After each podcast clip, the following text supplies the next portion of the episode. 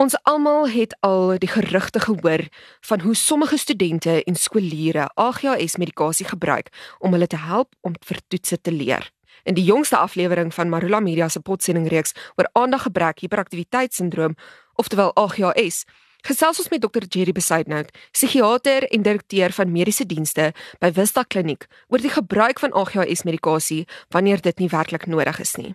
Daar is 'n tendens van leerders en studente wat die soort medisyne inspann wanneer hulle vir 'n toets voorberei of 'n taak doen.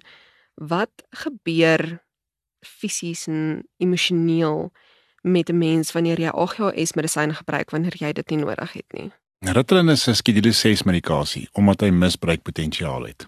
Hy maak nie saak of jy gebrek het of nie, as jy hom gebruik, gaan jy beter dink, jy gaan beter presteer. Hy val in dieselfde vlak as steroïde wat met atletiek gebruik word. So in 'n mate jy aanvaar nie net jou eie vermoëns nie, jy weet jy het hulpmiddel nodig. En dit is nie 'n goeie kultuur wat ons het nie. Dit is nogal baie prominent hier in Gauteng. Jy weet hierdie gedrewendheid wat ons het om so goed te presteer, ons moet goed doen en ons moet in alle vlakke van ons lewens half abnormaal goed presteer dryf daai kultuur. Emosioneel, fisies gaan dit nie veel van 'n probleem doen nie omdat 'n kort werkende middel is. As jy hom baie studente gebruik om dan swat hulle reg hierdie nag. So skryf volgende dag, jy weet dan gaan jy so half 'n dip kry die volgende dag. Jy gaan slegter voel want al jou chemikalieë in jou brein eh, jy weet is abnormaal verhoog, daai dopamien en dan kry jy te min daarvan omdat jou brein is bietjie weer herstel. So daai is nie so goed nie, maar emosioneel is dit baie sleg. Ek is nooit goed genoeg nie. Ek het nie hierdie graad op my eie gekry nie. Ek het altyd hulpmiddels nodig. Wat nie 'n goeie konsep is nie. Ek het ou anders te gaan nou die die weet ek moet eers langs die pad moet ek vrede maak met wie ek is met my beperkings en met my sterkpunte.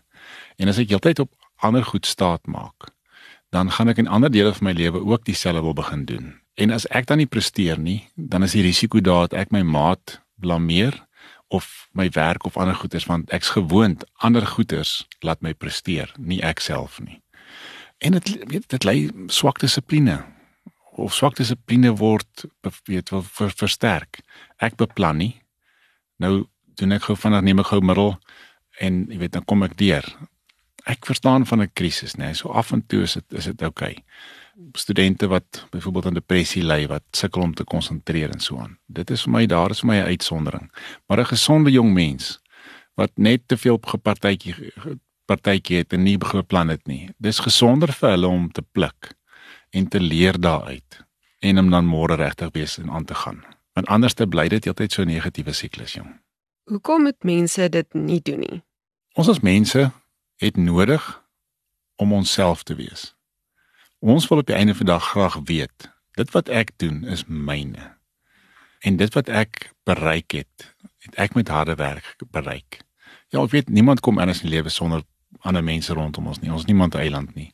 En dis nie waarvan ek praat nie, maar net daai basiese beginsel van ek het geswat, ek het 50 gekry of ek het geswat en ek het 90 gekry, maar dis my werk. Dit leer my ook realiteit. Want as ek nou byvoorbeeld besig is met Joel en ek gaan te kere en ek kom nie by swattings uit nie en dan eweslik misbruik ek medikasie net sodat ek kan deurkom. Leer ek nooit die gevolg die die die impak van swak beplanning nie. En ek probeer dit met ander goeders kompenseer. En dit is nie 'n goeie meganisme nie, want nadat ek begin myself sien as 'n eiland. Ek verwag dan van myself, maar nie saak wat rondom my gebeur nie. Dit moet nie, moet my nie affekteer nie. En dan as ek byvoorbeeld nou in 'n situasie kom waar ek baie seer gekry het, nou wil ek jouself pille of iets anders te kry om daai seer weg te vat want en en dan sê ek ook baie krities met myself as ek nie normaal presteer nie. So in totaliteit is dit nie baie goeie beginsel vir ons nie. Is daar enige plaasvervangers wat mens kan gebruik om met konsentrasieprobleme te help? Ja, rotine, dissipline en oefening. Hoe fikser jy is, hoe langer kan jy konsentreer.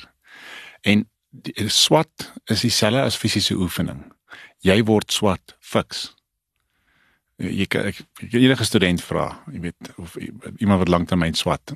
Aan die begin van die jaar dan sukkel jy en sukkel en hoe langer jy swat en verder jy die jaar aangaan, hoe makliker swat en hoe langer swat en langer konsentreer jy want jou brein raak fiks.